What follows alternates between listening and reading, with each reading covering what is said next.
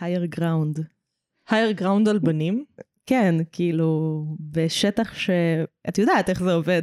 כי כן. יש אה, אה, כל מיני מקצועות שרק גברים מאכלסים אותם, ואז ברגע שאת נכנסת כאישה, את מנצחת. ממש, מעלית הזכוכית, זה מושג שהומצא על נשים בכלל. כן. זה אה, לגמרי מה שזה אז אומר. אה, כל מקצוע שיש בו רק גברים, אז אה, את כאילו תיכנסי ואת אה, תהיי יותר טובה, כי את אישה. הדבר הכי מצחיק בעולם זה לראות, אני עוקבת אחרי הסטטיסטיקות של ה pod באופן קבוע, נכון. אז אני רואה שהרבה פעמים אנ- האנשים שמאזינים לנו, מאזינים לפודקאסטים אחרים, שהדבר היחיד שיש לנו במשותף איתם, זה שגם הן נשים. עכשיו, מראש, כמה פודקאסטים כבר עם שתי נשים יש? ועוד ב fucking עברית. אה, Yes. ואני כזה, מה, מה התחביבים של האנשים שמאזינים גם לנו וגם לכל אישה עם מיקרופון? אני חושבת שיש אחוז אה, מאוד גבוה של אנשים אה, שמקשיבים לפודקאסט, ששקלו, שוקלים או ישקלו לצאת איתי. מעולה, תקליטי את זה לדורי דורות, מעולה, כן. אמ, כן. אה, ואני חושבת שזה אולי כאילו קטע של כזה אנשים שמחפשים נשים לצאת איתם, אני לא יודעת. לא נראה לי, זה יהיה מאוד מעליב, מאוד, אני מאוד אעלב, אם זאת הסיבה. לא, אפילו לא בגללך, אפילו לא כי הם כזה, הם רוצים לצאת איתך ספציפית. לא, כאילו אם הם ירצו לצאת איתך, את עדיין תיעלבי. אה, נכון. כי יש פה תוכן, בשביל מה אני מקימה את המיקרופון המזדיין הזה כל פעם בכזה כישלון? בשביל מה אנחנו צורכות תוכן לדבר עליו? לא, זה בשביל עזבי הכיף. את העבודה. זה בשביל הכיף. אני נהנית. אז זה כאילו העבודה בשבילך היא להקים את המיקרופונים. כן. לא, לכתוב את התקציר. זה העבודה האמיתית בשבילי. ולעשות פרשנות, כי הרבה פעמים זה לעשות פרשנות על דברים שהם כבר כאילו הכי מקובעים לי במוח, ודברים שמקובעים לך במוח להתחיל לפרשן אותם עכשיו, זה עבודת פרימה מאוד מאוד מסובכת. כמו היום למשל, כן. שזה משהו שפיתחתי עליו כבר דעה. לפני 15 שנה, ופתאום אני צריכה לפתוח את זה עכשיו. מחדש. כן, ולהתחיל להיות כזה, רגע, יש לי ידע אקדמי עכשיו, אני צריכה לשנות את דעתי על דברים. oh my god. אין לי כוח. אני- אני לא מרגישה שיש לי ידע אקדמי על שום דבר. זה יבוא. זה יבוא. זה לא יבוא בזמן התואר אבל. מעניין. אמ, כן. לימודים אקדמיים זה קצת בזבוז של זמן. זה בועה. זה כאילו תקופה מה- מהנה, כאילו מאוד נהניתי מהתקופה של החופש כן. בין הסמסטרים, כי אני כזה יכולה להגיד שאני עושה משהו בחיים, אני סטודנטית, אבל basically אני בחופש ואני לא חייבת לעבוד, כי כאילו, סבבה. למרות שרוב הסטודנטים עובדים, אז כאילו, כן, תדחפי עוד אצבעות בעיניים של אנשים, למה לא? חשבתי שהמשפט הזה הולך למקום אחר, אבל סבבה. סליחה. וזה למה יש לנו E rating, חברים. explicit. explicit. כן. גם כשהוא לא נאמר, הוא עדיין נדחף לתוך המוח שלכם. כן, אנחנו כזה מראש לא לילדים. לא. אם יש פה אנשים שהם מתחת לגיל 15, אני לא אבוא עליהם, אני ראיתי סקס וירי גדולה בגיל 13, שזה יותר explicit. אמ, אבא שלי היה בא ומחבל לי את הטלוויזיה כל פעם. חברו שלי יום השינה, אני שוב שמה את הסדרה הזאת. בנות זונה, יואו, שמרניות. זנאי. אנחנו לא אומרות בנות בנות זנאי. זנאי שמרניות. אכפת לכן? בואו לראות את סמנטו עושה מיליון תנוחות על כיסא על מיטה. למרות שאין שום היגיון בזה. וואי, אני צרחתי בגלל המשפחה שלי. אימא שלי עבדה בחברת סרטים ומוזיקה, אז צרכנו הרבה קולנוע, הגיוני. אה, וצרכתי הרבה יותר מדי תוכן שלא הותאם לגילי. אחד הזיכרונות אה, הראשונים שלי שהבנתי שאני צורכת תוכן אה, לא מותאם. לא מותאם לגילי, זה כשקראתי את הספר של הסופרת שכתבה את אה, לכל בית צריך מרפסת. אז היא כתבה עוד ספר בעיניים עצומות. Mm. אני לא זוכרת את השם של הסופרת, אבל אני זוכרת את השמות של הספרים. ו... ב... ו... וזה מישהי שמנהלת רומן עם גבר, ובאיזשהו שלב, אני לא יודעת אם להגיד את זה אפילו. לכי על זה. באיזשהו שלב הוא דוחף לה אצבעות מתחת לשולחן, וזה היה כזה, אני לא בגיל לצרוך את זה. אה, אצלי זה היה ספר גם, אה, קוראים לו 69-99, אה, הוא על עולם הפרסום. זה ספר נגד עולם הפרסום. מהמם. אה, יש שם, מלבד זה שהדמות הראשית צורחת קוקאין וזנות בכמויות מטורפות, אה, יש שם סצנה שאני זוכרת בבירור, שהוא עושה יותר מדי קוק במשרד, שאותו הוא שונא, אז הוא לוקח את הדם מהאף שלו ומתחיל לכתוב על הקירות פיגס, ואני קראתי את הספר הזה באיזה גיל תשע. או-אה. אני זוכרת במובהק, לוקחת אותו מהספרייה של דודה שלי, והיא כזה מסבירה לאבא שלי למה אסור לי לקרוא את זה, והוא כזה, אה.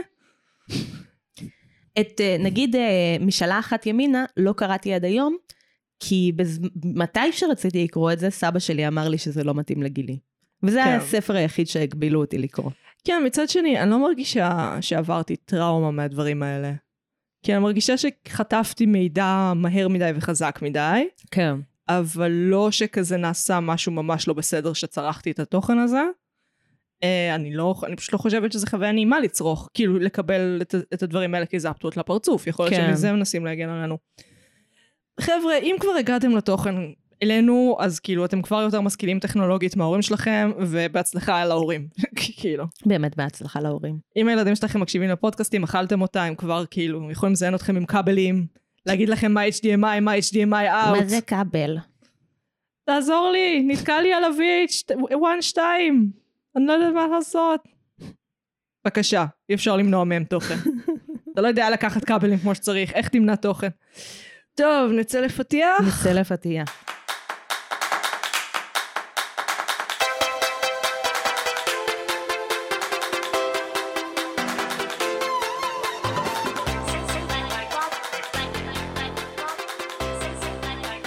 פתחנו, אני מגי. אני נועה. ואנחנו. מרשם לבינג'. ואנחנו. מדברות על סרט או סדרה, מנתחות אותם בהקשרים חברתיים, תרבותיים, אומנותיים, דיגיטליים, פסיכולוגיים, פילוסופיים, פוליטיים, לפעמים הומוריסטיים. אה, אני אנחנו- אוהבת שזה יצטרף. כן, אמרת את זה מתישהו. fuck את. אה, אנחנו נמצאות ברשתות החברתיות, בעיקר בפייסבוק ובאינסטגרם, מגי נמצאת בטוויטר, מגי נמצאת גם בפייסבוק בימינו. אה, כן, התחלתי לפרסם בקבוצה של כמעט מפורסמים. אה, לא יודעת, בואו לקבוצה של כמעט מפורסמים. אנחנו לא יכולות, כאילו אנחנו יכולות לפרסם פודקאסטים אחרים, אנחנו עושות את זה. לא אני משנה. גם לכלכתי עליהם באותה כמות שהמלצתי עליהם, אז כאילו זה ממש מגי, בסדר. יש לנו חוק אחד בפודקאסט הזה, כן. אנחנו לא מלכלכות על פודקאסטים אחרים. אה, וואו, עברתי עליו כל כך הרבה, נועם. אנחנו לא מלכלכות על פודקאסטים אחרים, יש הרבה דברים שאני לא אגיד בפודקאסט, וזה אחד מהם. וואי, אז אני כבר, סליחה, מעכשיו. כאילו, יש לנו לפחות שני חוקים. גם אחד החוקים זה שאנחנו ניתן לכם חסות כל עוד אתם לא מוכרים נשק. אה, או מבצעים רצח עם. או משתתפים רצח עם. באופן עקיף ברצח עם. כן. כן, היום כבר זה נהיה בעייתי. את יודעת, כל הרצח עם הזה. מגי, כן, נועם. מה צרכת השבוע? אז ככה, מלבד זה שצרכתי עוד שתי עונות של בילאו דק, שבאמת שאני מאוד מאוד ממליצה בכל רמה. ראיתי את המהדורת אה, סירת מפרשים שלהם, כי מסתבר שיש גם סירות מפרשים ביאכטות. לא יודעת למה, לא הצלחתי להבין את ההבדל חוץ מזה שזה נראה הרבה יותר עם בחילות. אה, מדי פעם אתה גם נוטה בזווית מסוימת, חופשה מהממת. אבל הדבר שבאמת צרכתי בכמויות בלתי סבירות השבוע זה בוטלגים של מחזות זמר. Mm, אני אעשה תיאטרון, בכל זאת עשיתי השלמת פערים. אה, אני לא, מת- כאילו, אני לא נותנת אה, זכויות אה, יוצרים לאף אחד, אני אצרוך בוטלגים כמה שאני רוצה. אם הם היו, את יודעת מה, אם היה אתר ממורכז שהוא כמו נטפליקס, שהייתי יכולה לשלם לו שקלים ולראות מחזות זמר גרסה רשמית, את חושבת שאני נהנית לראות את זה דרך הפלאפון של איזה אמריקאי מחורבן? לא, אבל לא. אני רוצה לראות את המחזות זמר האלה. צודקת. מחזמרים, סליחה, אקדמיה ללשון. Uh, אז ראיתי את ביטל ג'וס, המחזמר, מהמם. הדרס כמובן, למרות שכבר ראיתי אלפיים פעם, Book of Mormon, את הגרסה עם ה cast החדש, מהמם. סיקס על אה, ששת נשותיו של הנרי השמיני, של זה אני הכי ממליצה, מאוד ממליצה גם על הפסקול, בסגנון Euro trash משוגע, משהו באמת מארץ ההזויים. מהמם. אה, מאוד מאוד מאוד מאוד מאוד, Mean Girls המחזמר. מהמם. אה, מאוד של התקופה, של רוח הזמן, מאוד נחמד. תקשיבו, אתם כן? של התקופה, זה מאוד... Mean Girls? כן, זה אוקיי. של התקופה. למה? למה?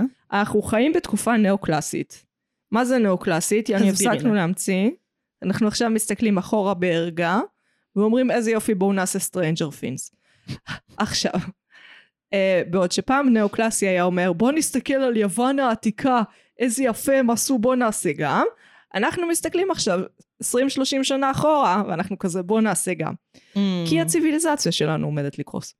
כן. זה, זה South Park אמרו, לא אני אמרתי, בדיוק בגלל שאנחנו בתקופה נאו-קלאסית, ולכן יהיה כל המחזות זמר שראיתי, אה, כולל אגב Hadestown, הם או עיבוד של אה, סרט קיים, או של סיפור קיים. יהיה, לא ראיתי מחזמר אחד עם סיפור מקורי לחלוטין, מהמם. אה, מהארבע חמש שנים האחרונות, שזה מדאיג, כי מחזמרים זה באמת עוד המקום האחרון שתיאטרון עושה כסף והוא רלוונטי. מהמם. אה, וגם כשהם מפסיקים להתחדש באמת אנחנו כבר בסכנה רצינית פה מאוד. אם כי שוב אתם מאוד תבודרו בדרככם להשמדת הציוויליזציה. אז אה, כן לכו תראו סיקס. אני יכולה להוסיף לפני שאני מדברת על מה שצרחתי, לכי על זה. אה, שזה אומר שזה לא התור שלי עדיין, אבל אני בכל זאת אוסיף. לא לא מאה אחוז התור שלך. כזה... אה, אני אוסיף למיקס של המחזות זמר שהם לא מקוריים ואיבדו דברים, שדיברתי אתמול על ליגלי בלונד. בדיוק. אה, ואני התחלתי תעודת הוראה. וואו אה, אני הולכת להיות מורה לתיאטרון כנראה. וואו. אה, תאכלו לי בהצלחה בפרטי. מלא. מלא בהצלחה. אה, ודיברתי כזה על ליגלי בלונד, כי היינו צריכים לבחור מתוך תמונות של נעליים, איך אנחנו מסבירים על עצמנו ועל התפיסה החינוכית שלנו. והייתי כזה, כן, ליגלי בלונד, היא התמודדה עם משבר, ואז היא אה, הוכיחה לכולם ולעצמה שהיא הרבה יותר חכמה ממה שחושבים שהיא, ו- ואני גם ככה. אני גם ככה, אני גם אוכיח שאני הרבה יותר את כמו חכמה. על וודס. כן. יס. אז עכשיו להגיד מה צרכתי השבוע. כן. אה, לא צרכתי הרבה תוכן חדש השבוע, אה, כן צרכתי שני פרקים חדשים של תוכן שדיברנו עליו בעבר. אה, הראשון הוא אה, הפרק החדש של המפקדת, צרכת אותו? אה, שניהם, כן. את שניהם? יש פרק שני? מאתמול, כן. מאתמול. טוב, אני ממש לא בלופ. אני חושבת שזה נראה כאילו הם מאיצים הפעם. זאת אומרת, הם כן. מתחילים לאט ומאיצים, כן. לא, הפרק הראשון, אני לא ראיתי את הפרק השני, אבל הפרק הראשון היה דחוס. כאילו, הם ניסו להתמודד, היה כל רגע משהו שקורה. כן. אמ, היה מלא תוכן, היה כזה תגובות לכל מה שהיה בעונה הראשונה. כן. וזה היה... זה היה מעניין, אבל חכי, זה היה חכי. כאילו חכי, כמו ל- לשתות תרכיז של ויטמין ג'יק. חכי, חכי, יש טוויסט. יש טוויסטים. בעלילה. Oh. חוץ מזה שאני חושבת שהיא עושה טעות מטומטמת בזה שהיא לוקחת את האחיין של המב"סית. כאילו, גברת, את צריכה להוריד את הראש, כמו שהחברה המליצה לך, החברה. אמ, להגיד גם על הדבר השני שצרכתי. לכי על זה. היא יצא פרק חדש של קמדורת אתמול. אישה רעה. אני קשה אישה ורעה. רעה, אני רעה כלפי עצמי. אה, אבל אה, היה ממש כיף. כן. אה, הם עשו רפרנסים לפרקים קודמים, שזה כזה, דיברנו קודם על running gag, אבל כן. כאילו לא בפודקאסט, אז כן. אתם לא יודעים שדיברנו על running gag. אז היה רפרנסים לפרקים קודמים, כזה ג'קי לונדון חוזר, אה, אני, אני, כן, אני מבינה על מה את מדברת. דיברו על ג'אז עם ג'יזוס, בטח, כן. אה, היה היה כיף, אני אשמע אותו עוד פעם. זה. אז נועם, על מה אנחנו מדברות? היום אנחנו. מדברות על פייט קלאב, פייט קלאב, מועדון קרב, טריילר. כמו שאלה קרא לו, קלאב פייט. I want you to hit me as hard as you can. Why? How much can you know about yourself? You've never been in a fight. Wait, let me start earlier. Like many of you, I was stuck. You want me to deprioritize my current reports until you advise of a status upgrade? Make these your primary action items. I couldn't sleep. No, you can't die from insomnia. I'd flip through catalogs and wonder what kind of dining set defines me as a person. This is your life, and it's ending one minute at a time. I prayed for a different life. Soap. I make and I sell soap. And this is how I met Tyler Durden. Come on, hit me before I lose my nerve. Ow! You hit me in the ear! It was on the tip of everyone's tongue. Can I be next? We just gave it a name. Gentlemen, welcome to Fight Club. The first rule of Fight Club is Wow, nice. you do not talk about Fight Club. Is that your blood? Some of it, yeah. After Fight Club, we all started seeing things differently. You're gonna have to keep me up all night. And she ruined everything. You're not into her, are you? No. God. מועדון קרב, או סרט שהוא תחליף אישיות לבנים מאז 1996. הסרט עוסק במישהו נטול שם ונטול רצון לחיות, שתקוע בחיים המבורגנים ארץ אמריקה הראשונה שלו. אה, כי ארץ ישראל הראשונה, לא משנה.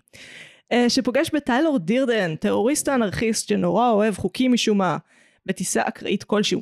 י- יחד השניים מקימים כת של מכות, בה אם אתה לא בן מספיק או לא אימו מספיק, עושים עליך קאטלה בהסכמתך. לינץ'. תודה על התרגומים. קאטלה זה, כן. לאט לאט המצב מסלים, לרשת טרור מצליחה ומחבלים בה הרבה. הסרט מבוסס על ספר של צ'אק פלאניק, אה, עובד על ידי ג'ים אולס ובוים על ידי פינצ'ר, דויד פינצ'ר. אה, 96, כמו שאמרתי, אה, שייך ל... וואי, ש- זה פרק עם מלא רעשי רקע. אני בן אדם שגם מסטול כל הזמן וגם מראש שלומיאל, עזבו אותי. לא, גם אני עשיתי מלא רעשי רקע, אני לא מאשימה אותך. פייר. וגם אה, התחלתי את המשפט הזה נורא רועש, אה, אם תסתכלו על הקווי אה. קול, זה כזה. כמעט צעקות. רגע, כן. Fight Club. אנחנו לא פודקאסט צעקות, אנחנו לא, אין לנו מכשיר זום, כן, אין יש לנו לנו, את גיא אדלר. יש לנו חתולה ברקע שצועקת. יא, יא, איפה גיא אדלר? אני- עובדת על זה. הקיצר, Fight Club. אז הוא שייך לתור הזהב של אה, סרטים משנות התשעים. אה, תקופה עם הרבה מאוד סרטים, ספרות זולה, מטריקס, בלה בלה בלה. אה, ותקופה ששייכת למה שאנחנו דיברנו עליו הרבה, קץ ההיסטוריה. אה, מאמר של, אשכרה בדקתי את זה הפעם, אשכרה בדקתי את זה הפעם. yes. אה, דיברנו עליו מלא. ועדיין לא אמרתי את השם שלו, קוראים לו פרנסיס פוקויאמה. קורקי. פוק- פוקויאמה. סליחה, תגידי שוב. פרנסיס פוקויאמה כתב מאמר, נקרא קץ ההיסטוריה. מאוד מפורסם, הוא בעצם מדבר על זה שאלימות הולכת להיעלם מהחיים שלנו, אה, ובעצם כל הצורת חיים המודרנית הולכת, הולכת להיות מאוד שונה ממה שחווינו עד עכשיו, אה. במובן של אה, שלום. כי שיהיה שלום. יש שלום. אוקיי. כי היסטוריה זה בעצם תיעוד של קרבות. מהמם. מלחמות, קרבות, שינוי גבולות, הריונות לא מוצלחים, כל הדברים האלה. אה, ובשנות ה-90 חומת ברלין, הוא כתב את זה ב-88-89 אבל עדיין, מהמם. חומת ברלין נפלה, מלחמה הקרה נגמרה, אפילו ישראל והפלסטינים לשנייה נראה כאילו זה הולך להיגמר. נכון, הייתה תקווה. זה מאוד מאוד שונה מאיפה שאנחנו נמצאים עכשיו. הסרט הוא גם לגמרי שייך לתקופה ההיא מהבחינה הזאת, מהמם. כי הוא מדבר על המחסור באאוטלט לאלימות, מהמם. במיוחד לגברים, אה, שאין להם מקום בחיים המודרניים להוציא את האלימות הזאת. רק לגברים. אה, בואי, בואי נשים את זה בפרופורציה. הסרט מדבר על רק לגברים, אני מוכנה לקבל את ההנחה הזאת. סבבה, אני מוכנה לקבל את זה בין אם זה חברתי בין אם זה ביולוגי, לגברים יש יותר בעיית זעם, אה, זה יותר בעיה בחיים שלהם, והם צריכים לזה יותר אאוטלט. מקבלת. סבבה? בין אם זה חברתי ובין אם זה ביולוגי. אממה, יש להם טריליון מקומות להוציא את זה בחיים שלהם, מה אתה מזיין את השכל? עזוב, עזבי משחקי מחשב ולא יודעת, לצאת למלחמה, שזה משהו שהוא עדיין אופציה בחיים המודרניים, נכון. יש לך דברים כמו פיינטבול עד, לדבר, עד ללכת מכות בבר, כאילו באמת, יש לך מקום, יכול להתחיל לעשות MMA אם אתה רוצה, אתה יכול לכסח פרצוף של מישהו עד לזוב דם ב-MMA ברמה של Fight Club, מהמם. ואין צורך בתא טרור. כן. אמ, לכן הסרט הזה הוא כל כך מעניין בעיניי. השאלה, אם זה מספק את הצורך ב... כאילו, סבבה, זה מספק את הצורך של ה-Fight Club. כאילו, את יכולה ללכת, לצאת לרחוב, ללכת למועדון אגרוף, ללכת ל-whatever. כן. אה, אבל יש צורך נוסף שקיים בסרט, שהוא הפרויקט Mayhem, שהוא הצורך בשינוי חברתי. אני חושבת שהצורך בשינוי חברתי הוא, הוא כבר ב-Fight Club. כי יש משהו ב... בנ... אה, אנשים מתכנסים לשם רק ללכת מכות, בצורה שהיא לא MMA דווקא. שהיא לא, שהיא לא מוסדרת, שהיא אנרכיסטית. אה, שהיא יושבת על הרצון בשינוי חברתי. כן, גם את רואה את זה, כאילו, את ההתחלה של פרויקט Mayhem, כבר בשיעורי בית שטיילר אה, נותן להם. אה, אבל אני חושבת שזה מעבר לזה. כאילו, יש פה משהו ש... שזה מקצין עם הזמן, שכאילו באיזשהו שלב ללכת מכות זה לא מספיק, כאילו זה לא מספיק משפיע על החברה, כי נהיה, נהיים מועדונים סגורים. כאילו, מעבר למועדון הסגור, איפה הם נמצאים בסרט? זה נאמר. אה, לא בטוחה, נראה לי או שיקגו או סיאטל. אה, זה. אז הם נמצאים איפה שהם נמצאים, כן. כמו בצ'טרום. כן. סליחה. בדיחות פנימיות, סליחה חבר'ה, אני מצטערת, פשוט תבואו להצגה. אז כן. הוא נמצא איפה שהוא נמצא, גר בטירה ענקית. נו, נו. הוא גר בטירה ענקית. את לא יכולה להגיד שזה לא נכון. בית נטוש ענקי. בית נטוש ענקי. שהוא נראה באמת הדבר הכי מגעיל. אני חושבת שככה סבתא שלי חשבה שהבית שלה נראה כשהוא היה מלוא, כשהיא לא נקטה אותו שלושה ימים. כך, זה מה שהיא דמיינה בראש. זה הסיוט הכי גדול שלה. כן. אה, איבדתי את קו המחשבה, תגידי משהו אחר. פרויקט מייהם התחיל, מספק צורך מסוים, לא, תגידי מחשבה חדשה, ואז אנחנו נחזור על זה מתישהו. מחשבה חדשה. אה, י- הסרט בעיניי הוכיח את עצמו כעל זמני, ואני גם אסביר למה. מהמם. אה, רוב האנשים, כשהם רואים את הסרט, אה, במיוחד כשהם צעירים, רוב האנשים רואים אותו בתיכון, הם מתחברים אליו מהמקום הקמאי הזה, שרוצה שינוי ורוצה לעשות אותו אלים, כי זה הדבר היחיד שעובד, וכביכול הוא מצדיק את מה שדיברנו עליו, שזה אינסלים, כל האינטרנט קולצ'ר האלימה יותר, שזה מהמם. אגב לא טוויטר, חברים, עם כל הכבוד לטוויטר, בואו נרגע, אין שם מניפסטים על מחנות ריכוז לנשים, כן? זה לא פורצ'אן. אמ, אבל את רואה שבעצם, אם אני מסתכלת עליו עכשיו בעיניים מודרניות, אני מהמם. מקבלת המון ביקורת. זאת אומרת, טיילור דרדן הוא המערכת באיזשהו מובן. לא רק, מהמם. הוא לא רק נלחם במערכת, הוא המערכת. הוא מייצר מערכת חדשה. הוא מייצר מערכת חדשה, הוא כל הזמן, מה, הוא מדבר בהתחלה על זה שאתה כמו עכבר שרץ על הליכון אה, במרוץ עכברים שלך עם החיים הבורגניים והרהיטים מאיקאה, מהמם. ואז הוא אומר לחניכים שלו, תשארו לישון על המרפסת, תוכיחו לי דבר ראשון שאתם נכנעתם לפניי לחלוטין, בדיוק כמו שנכנעתם לאל הקפיטליזם, ובואו אני אעשה ממכם קופים גלוחי ראש, אני אשלח לירח. כן. זאת אומרת, יש לנו עדיין את הדימוי החייתי הזה של החיות מעבדה. אה, זאת אומרת, בא- באיזושהי רמה, הוא אותו דבר. כאילו, הוא מסוכן באותה רמה, אם לא יותר. מהמם. אה, שזה מעניין, כי באוניברסיטה נאמר לי שיצירות שאתה יכול להסתכל עליהן בכמה דרכים ולבסס את הפרשנות, מהמם. זה, זה היצירות הטובות באמת, זה העל-זמני באמת. כן. למרות שאי אפשר לכתוב ככה כמובן, כי צריך אחר היצירה, אבל בדיעבד זה מה שעושה את הדבר. אה, וזה חזק. כי אני באתי לסרט הזה בהתחלה והייתי כזה, בסדר, זה סרט שכל מיני ילדים לבנים בקולג' שמים על הקיר שלהם כדי שיהיה להם קצת אופי, כאילו. כן, זה מהסרטים, יש, יש ז'אנר של uh, תוכן שהוא לא ז'אנר ספציפי ועקבי, אבל הוא ז'אנר מבחינתי, כן. של דברים שאם זה הסרט האהוב עליך, אני לא סומכת עליך. פייר. זה כולל את uh, ריק ומורטי, פייר. וכולל את Into the Wild. וואלה. כן. מעניין. אם Into the Wild או Fight Club זה הסרט האהוב עליך, אם ריק ומורטי זה הסרט, הסדרה האהובה עליך, סליחה, אני לא בטוחה שאנחנו יכולים להיות חברים. אם אתה אוהב ריק ומורטי אבל לא אוהב את הפנדום. אז זה סבבה. אוקיי. לא, אבל ברגע שכאילו את הופכת את זה לכזה, "אה, מה הסדרה האהובה עלייך? ריק ומורטי. אז לא.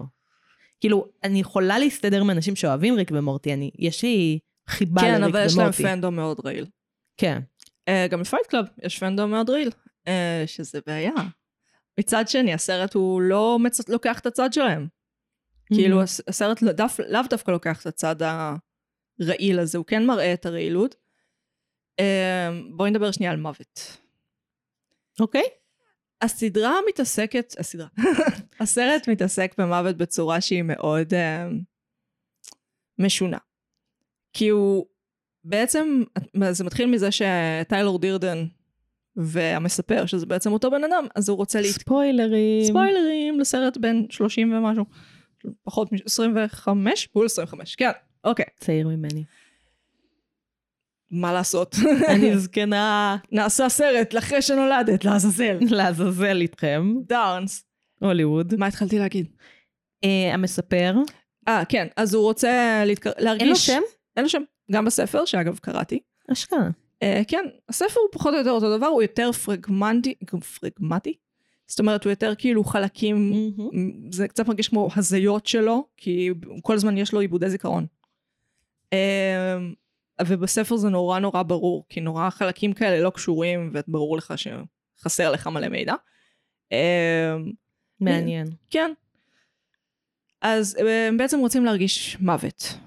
הוא רוצה להרגיש קרוב למוות, אה, הוא רוצה להרגיש איך זה כשאתה פגיע לחיים באמת, כי יש משהו בחיים הבורגנים שהוא כביכול מוגן. מהמם. וואי, איך פעם היה כיף. מי דיבר על מעמד ביניים נשחק בכלל? אה, אז המוות. כן, ואז הוא גם עוסק בלקרב אחרים למוות. כן. אה, זאת אומרת, לא רק ב-Fight Club, אלא אנחנו, כשהוא מאיים על אנשים מסוימים. הוא מאיים על המון אנשים אה, שהוא סתם רוצה. כן. Uh, שזה אגב איומים, שאם אני משנה את הסרט נגיד לארץ קשוחה, שהוא גם מאיים שם על איזה קמעונאי, מישהו במכולת, מהמם. אז זה פתאום מקבל טעם אחר לגמרי. שזה מעניין, כי זה פחות או יותר כמעט אותו סצנה. לקרב בן אדם למוות. מהמם. שאלה לאיזה צורך, וכביכול טיילור דרדן עושה את זה כדי לגרום לבן אדם להעריך את מישהו באמת. הוא גם עושה משהו דומה כשהוא עושה את התאונת דרכים, ואז הוא אומר, אה, חווינו חוויית near life experience, במקום כן. near death experience. אה, כאילו החיים נמצאים על סף המוות, ולא כמו שאנחנו חווים אותם. בטוחים. בחיים זה ארץ מישורית, או ארץ הררית, וואטאבר, אבל כן, שבסופה יש את הסף. כן. אבל לא, החיים הם על הסף. החיים הם סופיים והמוות אינסופי. כן. כאילו, אולי להתקרב לאינסוף הזה זה משהו שכביכול, לפי הסרט, גורם לך להבין את הסופיות של החיים וכמה זה באמת משהו שאתה צריך לתפוס אותו בביצים, בביציות. תגיד לו, שלי, אני מחליט. אה, כן, אני אוהבת את הסרט, אני באמת אוהבת את הסרט, יש סיבה שקראתי את הספר. באיזה גיל קראת את הספר? אגב? אה, 16-17, מהמם. אה, לא קראתי אותו מאז, כן עברתי עליו קצת לקראת הפרק. אה, יותר אלים, לא מאוד מפתיע, יותר תיאורים גרפיים, לא מאוד מפתיע. אבל, את אמרת את זה בעצמך, הפנדום. הפנדום, הפנדום הוא כל כך רעיל, כן. כל כך רעיל. גם ספרות זולה אגב, מהמם. זוכרת איזה פרסומת שהייתה כשאני הייתי ילדה, שהם אמרו כאילו, גם אני כמו כולם ראיתי את ספרות זולה אלף פעם. וזה עוד לפני שאני ראיתי את ספרות זולה. שסרט שאני דווקא כן אוהבת. אמ, אבל זה כאילו תפס רוח של דור, דור ה-X, דור הכועס, אה, שכל כך כיף לנו לשנוא עכשיו כשהבייבי בומרים מתחילים למות. וזה דור שקשה לי להתחבר אליו, מאוד מאוד קשה להתחבר אליו. כאילו, אני לא יודעת אם זה יותר גרוע מהיורים בוכים של, אה, של המילניאלס, מהמם. שאנחנו נורא מודעים לבעיות, אבל... ורוצים לשנות אותם, אבל לא באמת עושים כלום, אז אנחנו תקועים במין מצב קבוע של אימפוטנטיות, מהמם. בעוד שהם היו פשוט אפאתיים, וכאילו, לעולם לא אכפת ממני, למה שלי יהיה אכפת ממנו? כן. קשה להתחבר לזה, נורא קשה להתחבר לזה, אה, ולאנשים כאלה. קשה להתחבר לאנשים עד כדי כך ציניים, עד כדי כך... כן. מאוד קשה לי עם ציניות. אני מאוד uh, משתדלת למגר את זה מחיי. Uh, סתם פרט מידע קטן. מה חשבת על התיאורי סקס? יש שם סקס אה, גרפי למדי, כן, אבל הוא עשוי בצורה מאוד... uh, הזייתית. הזייתית. הזייתית זו מילה טובה, רציתי להגיד אומנותית. Mm. אבל הזייתית זו מילה מאוד טובה. מה חשבתי על זה? יש משהו מאוד מעניין בו. כאילו, כן. כזה, הוא לא נותן את... אה, הוא לא נותן את זה על מגע של כסף, זה לא כאילו פורנו. אה, אבל אה, הוא כזה משאיר טעם לעוד. כזה, זה מעבר לדלת סגורה, זה הצצות, הבלחות. כאילו, אפשר להגיד שיש... לא יודעת מה אפשר להגיד. מה רצית להגיד? Um, זה מעניין כי הוא משתמש, ב- המספר משתמש בטיילור דירדן uh, כשהוא רוצה להיות, כשהוא מרגיש שאין לו את התכונות הנדרשות. נכון. זה גם נכון. נאמר, טיילור דירדן הוא גרסה יותר סקסית, יותר טובה, יותר עצבנית, יותר מממשת. אני חוזרת לסקסית. Uh, כשהוא עם מרלה, אז יש לו קטע שכשהוא איתה בחדר במצב שהוא לא זיון, אז הוא הוא, ודווקא כשהם שוכבים, אז הוא טיילור. כן. והוא בעצם, הוא, זה גם נאמר כמה פעמים, הוא כאילו חווה את הסקס איתה ממחוץ לדלת. זאת אומרת, למרות שהוא זה שבפועל עושה שם אה, את הכל, כי הוא, הוא כאילו מזמן אותו לצורכי uh, להיות הגבר שהוא רוצה להיות. כן. Uh, גמר לה זה מה שבסוף גורם לו להבין שהוא הוזה, כן. שזה מעניין. זה כאילו, ה... זה מעניין שזה הנקודה שהוא... שהיא היחידה שאומרת לו את האמת באיזשהו מקום. היא גם איתו, אה, היא הבן אדם האמיתי, זאת אומרת לא טיילור דירדן, לא הזיה, הראשון שהוא חווה איתו את הצורך בלהרגיש קרוב למוות. הם הרי נפגשים בקבוצות תמיכה האלה, נכון. אה, קבוצות תמיכה לחולים סופניים, אה, שזה מן הסתם עוד. עוד ניסיון להרגיש קרוב למוות, עוד ניסיון כאילו לקבל את ההיי הזה של להיות קרוב לאינסוף ולהעריך את הסופיות של דברים. אה, והיא, והיא יכולה לראות אותו באמת, זאת אומרת, היא הבן אדם שבאמת יכול להיות איתו, וגם בסוף, היא זו ששוהה איתו ברגע של ההתרסקות הכוללת. יש כאן עניין, אני לא חושבת, זה לא רומנטי. זה מוזר, כי זה כאילו סיפור... זה הכי לא רומנטי. אפילו, אני לא יכולה להגיד שזה אפילו סיפור אהבה, פשוט בני אדם רואים אחד את השני במובן אנושי וגם הזדיינו. כן. זה יפה. כמה סרטים כבר מצליחים, כמה סיפורים מצליחים כבר לעשות את זה, לספר סיפור על שני אנשים שהם מתקרבים ככה ושזה אפילו לא קרוב לי להיות סיפור אהבה. זה לא כזה והם חיו באושר באושר. איך סיכוי שהם לא יתראו אחרי הסצנה האחרונה, מאוד סביר אפילו. ואת האמת לא מעניין אותי, אני לא חושבת שאי פעם לא, חשבתי... זה לא ממש מעניין. כאילו, מה שמעניין זה שברגע האחרון הם ביחד. כן. כאילו, והרגע האחרון זה מה שיישאר איתנו לעד. כן, אז השיר של אפשר לחשוב. שכאילו הם יישארו ביחד לעד, וזה כל כך לא משנה. כאילו, לא משנה. משנה מה יהיה ביום שאחרי. אה, כאילו, כנראה מה שיקרה זה שהמספר אה, ילך ויעצור את עצמו. כאילו, יגיד, אני אחראי על זה, אני לוקח אחריות. כמו שהוא אומר בסצנה מול טיילור. טיילר. כן, לא רלוונטי. באמת שזה לא, אין לי מושג איך הוא עשה את זה, אבל אה, בדרך כלל כשסופים עוצרים במקום מעצבן, וזה מקום מעצבן, שיהיה ברור. כן. אז אתה מאוד רוצה בראש שלך להמשיך את הסיפור, ראינו את זה הרבה בשובר שורות נגיד, שבגלל זה הם עשו את הסרט. כי אתה, אתה רוצה עוד. וב-Fight Club זה ארוז בצורה כל כך סופית. ואחרי שאמרתי את זה, יש סדרה שנקראת Mr. Robot, אה, שזה על האקר, והם עושים בעונה הראשונה את מה שעשו ב-Fight Club, שזה להפיל את אה, השרתים של האשראי. מהמם. בעצם למחוק את האשראי הבינלאומי, חובות של כולם אה, נעלמים, הקונספט של כסף נעלם, ההון של כולם נעלם. אה, ובמה רובוט הם ממש מתעסקים ב- בעולם האפוקוליפטי שזה מייצר, מהמם. ואיך הקפיטליזם כן מצליח להתגבר גם על זה ואפילו לחמש את זה. אה, שזה מעניין, כי למה לקחת דווקא את הסוף הפתוח הכי סגור בעולם Hmm. ולעשות ממנו סדרה?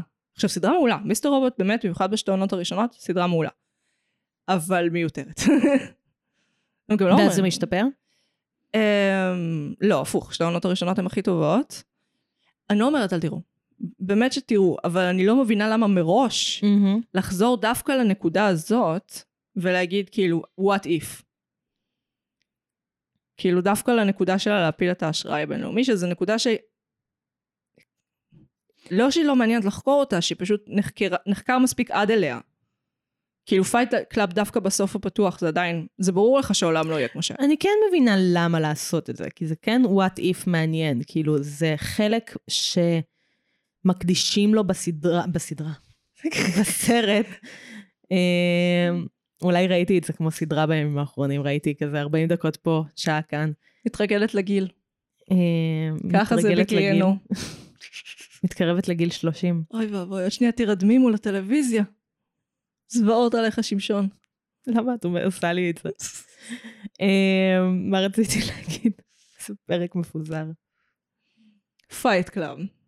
אמ, אני כן מבינה כאילו את ה-what if הזה, כי זו נקודה מחשבתית מאוד מעניינת, כאילו מה יקרה אם נחזור לנקודת האפס, שכאילו העשירים לא עשירים, העניים לא עניים, מה יקרה אז? התשובה היא שאי אה, אפשר. למה הטלפון שלך לא על שקט? את שואלת שאלה מעולה. אני לא יודעת, תמיד שולחים לי הודעות ברגעים שזה הכי לא מתאים. גם שלוש הודעות. כן, הכי לא מתאים. בסדר, סליחה. אה, אז אני מבינה את זה, כי הוקדש משפט אחד בכל הסרט על למה לעשות את זה, והייתי רוצה כזה להבין מה יקרה ביום שאחרי. לא ביום של אחרי של הסרט, ביום של אחרי של המעשה הזה. אז אולי כן. אני צריכה לראות Mr. Robot. כן, אה, סדרה מדכאת, אבל טובה, עשויה אומנותית מאוד טוב, צילום בו מאוד טוב. אה, משחק כמובן, רמי מאלק. לא רלוונטי. לא. הפרק. Fight Club. Club Fight. ששונא קפיטליזם. ה-nineties הם מאוד שונאות קפיטליזם, שזה מעניין, כי זה לא השפיע בשום צורה. על קפיטליזם. לא. לא. י- אני, למה אני מעלה את זה? יש תפיסה חדשה בפילוסופיה שנקראת הגות אפוקוליפטית. אמ, שמוביל אותה בחור בשם תומאס לינץ', אני חושבת. אוקיי, נשמע מוכר. אה, פילוסופים, כולם נשמעים אותו דבר, עלומים. אז מדברים על בעצם על ה... התפיסה, התפיסה בעצם של להרהר במחשבה של סוף העולם ומה יכול לצמוח ממנו, אה, זה דבר חיובי. כי דווקא לה, אה, לחשוב על הצמיחה מחדש, בעולם, בעול, זה כאילו נותן לך אינסוף אפשרויות. מהמם. כי זה בעצם קריסה של כל מה שאנחנו מכירים ויודעים על איך החברה האנושית צריכה להתנהל, וממנו להצמיח דברים חדשים. את רואה את זה, זה נהיה מאוד פופולרי לאחרונה, ראיתי איזה סרטון של וייסקרק, אגב, אם למישהו מעניין מאיפה אני גונבת רעיונות, וייסקרק, למה את חושפת את עצמך? על הזין. שידעו, שידעו שאני לא חכמה, הכל גנוב. וואי, את מה זה חכמה? הכל גנוב. Um, אז את רואה את זה בבית הדרקון, ובסדרה החדשה של uh, שר הטבוע. שניהם מדברים על עולם בדיוני שאנחנו כבר מכירים. לפני שהתרחש בו אירוע קטסטרופלי. uh, בשני המקרים. גם משחקי הכס וגם שר הטבעות הם uh, ספרים שמתרחשים פוסט האירוע האפוקליפטי, ואז הם מהמם. נותנים לנו פריקוולים שהם לפני האירוע האפוקליפטי. מהמם. אה, שזה נותן לנו מאיזושהי סיבה תקווה, כי להרהר במותנו אפשרי, אה, מות החברה שלנו אפשרי, ולחשוב שאפשר לצאת מזה, מהמם. כי בעצם אנחנו כבר יודעים שהם יצאו מזה. כשאנחנו רואים את הפריקוולים, אנחנו כבר יודעים שהחברה הזאת יצאה בסדר. כן. יש ווסטרוס, יש הממלכה התחתונה, איך שלא קוראים לחרא הזה. אבל הם עברו משהו מטורף, אבל הם עברו אותו. זה קרה, הם הצליחו לעבור אותו. ובהרהור אז זה לא הופך את הפריקוול ל anti climactic? אנטי קליימקטי? הם עדיין עפים קרוב לשמש. הם עדיין כאילו מראים כאילו, לנו... את יודעת מה הולך להיות האירוע המכונן. כן. אני לא יודעת מה הוא יהיה, אני יודעת שהוא יהיה גדול. מהמם. דמייני שאת מגיעה להריסות של מבנה, ואת מסתכלת מסביב, ואת לא יודעת בדיוק מה היה כאן, אבל את יודעת שזה היה גדול ועכשיו זה נהרס. מהמם. אז יש משהו בלחזור אחורה ולהראות לנו בדיוק מה היה כאן ולמה זה היה גדול ולמה זה נהרס, שהוא מאוד כזה, שוב, באופן מאוד פרדוקסלי מעורר תקווה. מהמם. כי זה דווקא שהבניין התמוטט ועדיין הכל בסדר והנה יש כאן בן אדם שבא ורואה את הבניין הגמור הזה עם הצמחים מסביבו, שהם יפים גם, זה, זה עושה קצת טוב. אה, אבל איזה חלק הוא מעורר תקווה? החלק השני או החלק הראשון? אה, החלק השני, המחשבה ש, שלא מש, שהדברים הנוראים שאת רואה על המסך עכשיו, מהמם. הם נגמרים בסוף, לא משנה כמה חרא, בלידה מחדש. Mm. כאילו הסינרגיה של שני הדברים. כן, של ההתמוטטות מול הבנייה מחדש. אה, כאילו כן, זה כן נחמד למצוא עוד מידע על אנשים שהם אה, לא אוגרים עכשיו פחיות של אפונה, אבל הם כן אה, כמוני חושבים שאנחנו על סיפו של תנועה גדולה. שאני לא יודעת אם תהיה חיובית או שלילית, אבל בכל מקרה אנחנו על סיפו של שינוי גדול לדעתי. אה, והיצירות שלנו בהתאם. יכול להיות שבגלל זה אנחנו מתחברים ל Fight Club ולדברים מה nineties, כי הם, הם גם שיחקו עם הסוף, פשוט אחרת. הם שיחקו עם הסוף במ- במובן של הם באמת חשבו שיהיה בסדר.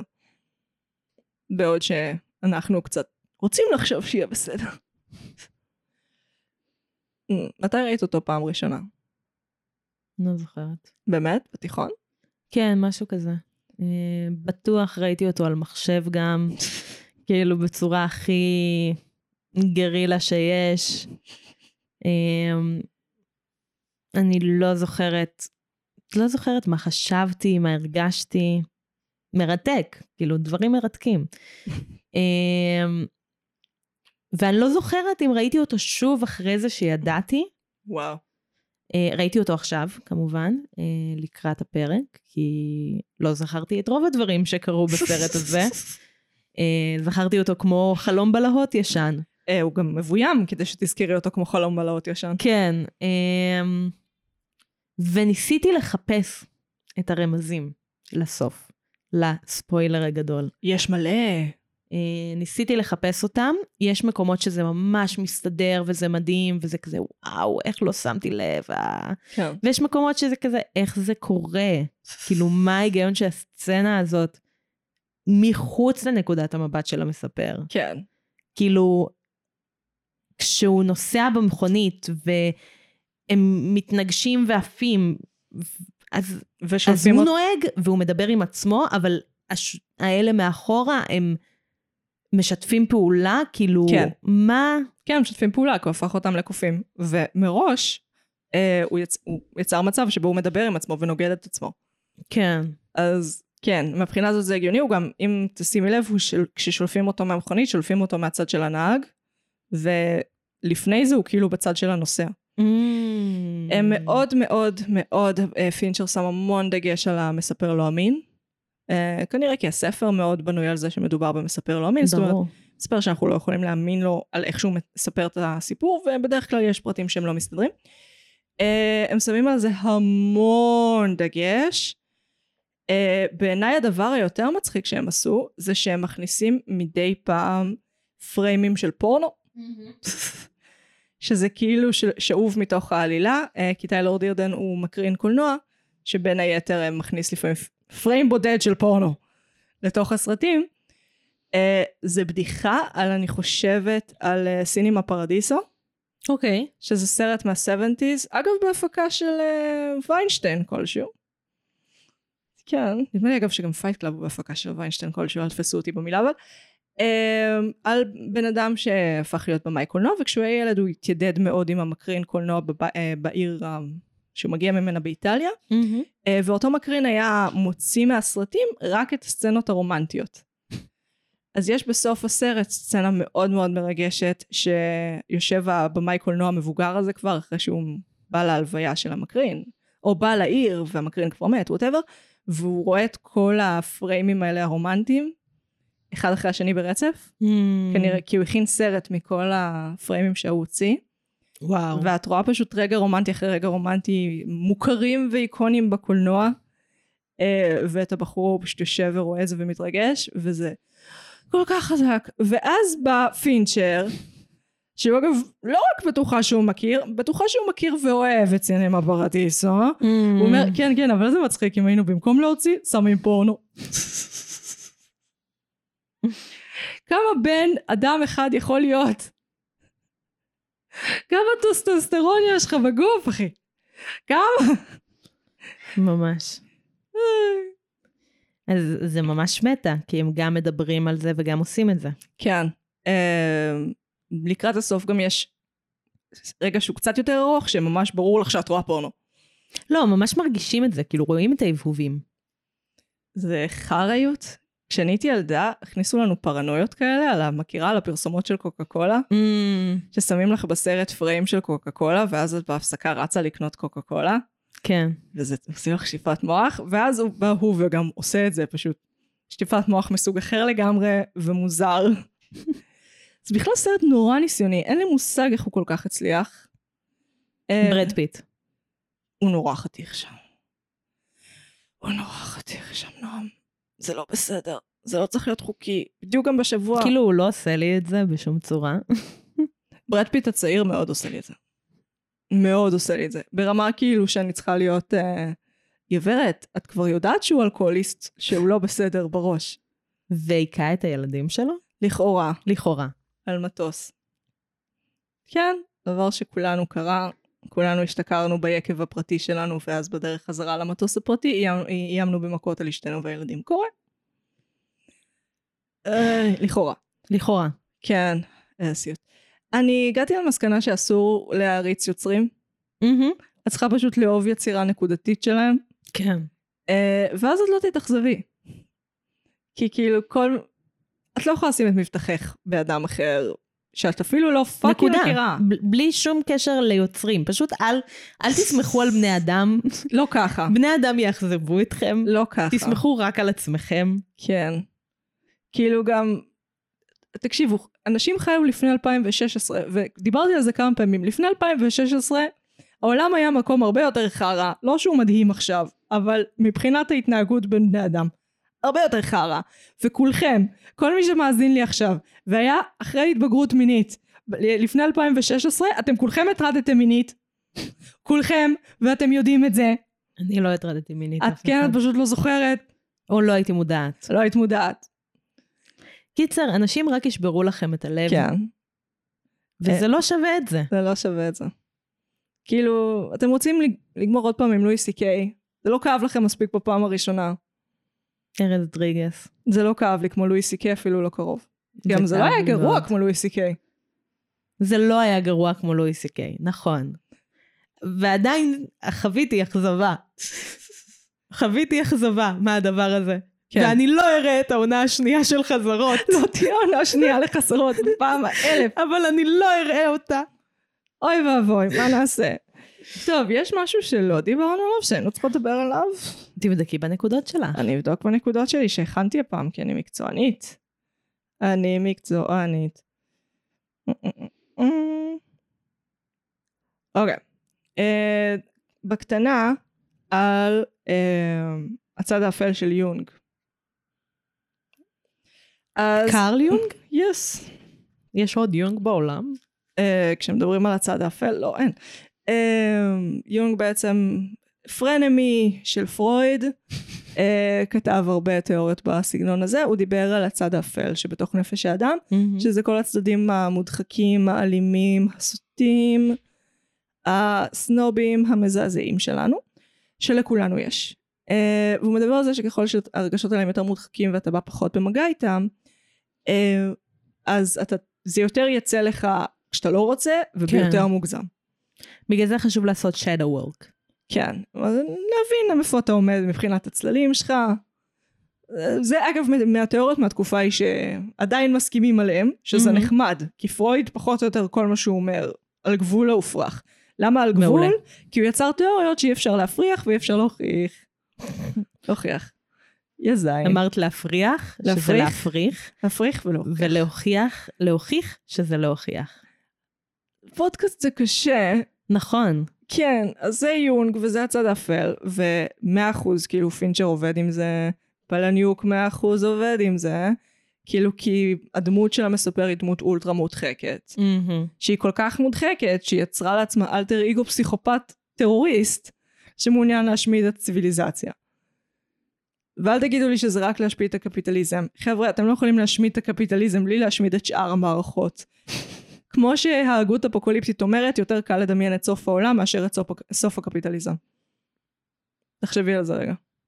אני אחשוב על זה עוד הרבה רגעים. אם אני מגדירה קפיטליזם כהרצון למקסם את הרווח הוא הרצון שגובר על הכל, מהמם. וכל דבר נעשה על מנת למקסם רווח, זה, המוות של זה, אני לא יכולה לדמיין. אני פשוט לא. אני יכולה לדמיין את כל המין האנושי מת במחלה של מוגלה ירוקה, לפני שאני יכולה לדמיין פשוט, לא יודעת, חוזרים לסחר חליפין, או, או להתייחס לחברה שלנו כאילו זה משהו שלא צריך פשוט לאכול עד שייעלם. כן, כן. דיכאון. הפרק הזה עשה לי חרדה מזה שאני הולכת למות. עוד אחד? כן. איזה יופי. ולא הייתי בטיפול היום. שזה בעיה. אז, אה, נועם, אנחנו מתעסקים באלמנטים רגשיים של הסדרה. צריך תמיכה. צריך תמיכה. זה חד משמעית נכון. אני חושבת שסיימנו. בואי ניפרד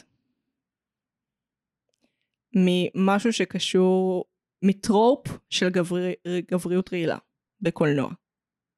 אוקיי, אבל ייקח לי רגע לחשוב על זה, זה קשה. סבבה. אני אנסה גם. בוא נראה, בוא נראה, בוא נראה. אני רוצה להיפרד מהכל בוס, מהמם. שהם כולם מדברים ככה. או, יש לי. כי להתאמץ כל כך הרבה כדי להישמע מגניב, ולעשות כל זה להתאמץ המון, חבר'ה, אה, זה עצוב. עצוב לי שזה מה שהחברה עשתה לכם, והפטריארכית דפקה לכם את המוח. דברו כמו בני אדם. אני רוצה להיפרד מזה שגבר גבר, שהוא גבר גבר, צריך לעשן בכל רגע נתון, כי עישון זה מגעיל, וצריך שנמגר את זה מהעולם. את מסתכלת על הג'וינט? כן. את גבר גבר שצריך לעשן בכל רגע נתון. נכון, עם דלקת מפרקים שהורגת אותו מכאבים.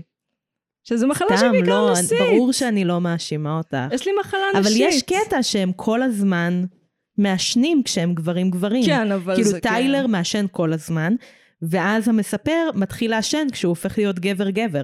במקור זה נעשה כדי למכור סיגריות, ואז זה השתרש פשוט כי התרגלנו שזה מה שזה אומר, כאילו, הקאובויים המגניבים ש... בדיוק. זה הקאובוי של מלבורו, זה כן. literally שייך לחברת פרסום.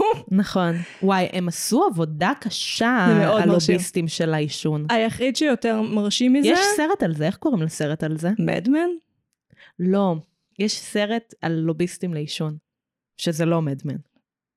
תגידי לי אחרי, אני לא זוכרת, אני ראיתי אותו מזמן. אני תגיד- לא אזכר. נגגל את זה. אוקיי. אבל במדמן מתעסקים בזה. אה, זה דבר, היום אגב כבר אסור להם, אבל זה כל כך השתרש. אה, נדמה לי שעכשיו יש חוק שפשוט אסור להראות אנשים מעשנים בלי אזהרה או משהו כזה. אגב, גם בישראל, איפה זה היה? באח הגדול, לא, זה היה נראה לי בפודקאסט של... אה, שזיו אירח את אה, גיא אדלר. אני לא זוכרת איפה שמעתי את זה. אנקנדו. אה, כן, אבל זה לא קשור לאנקנטו, שכאילו במדינה כלשהי, אולי זה אצל גיא אדלר, במדינה כלשהי כתוב, אה, אה, כל פעם שמעשנים כתוב עישון הורג. בדיוק. ואז אה, הייתה סצנה שמישהו מגיע לבית, אה, ולפני זה הדליקו את הגז, ואז הוא מדליק סיגריה והבית מתפוצץ. ואז יש אזהרה על המסך, עישון הורג. קיבלתם סיפור יד שנייה מפודקאסט אחר? אלה אנחנו. אה, אז אני הייתי מגי. אני הייתי נועם. ואנחנו היינו. נרשם לבינג'. יאללה ביי. נשיקות.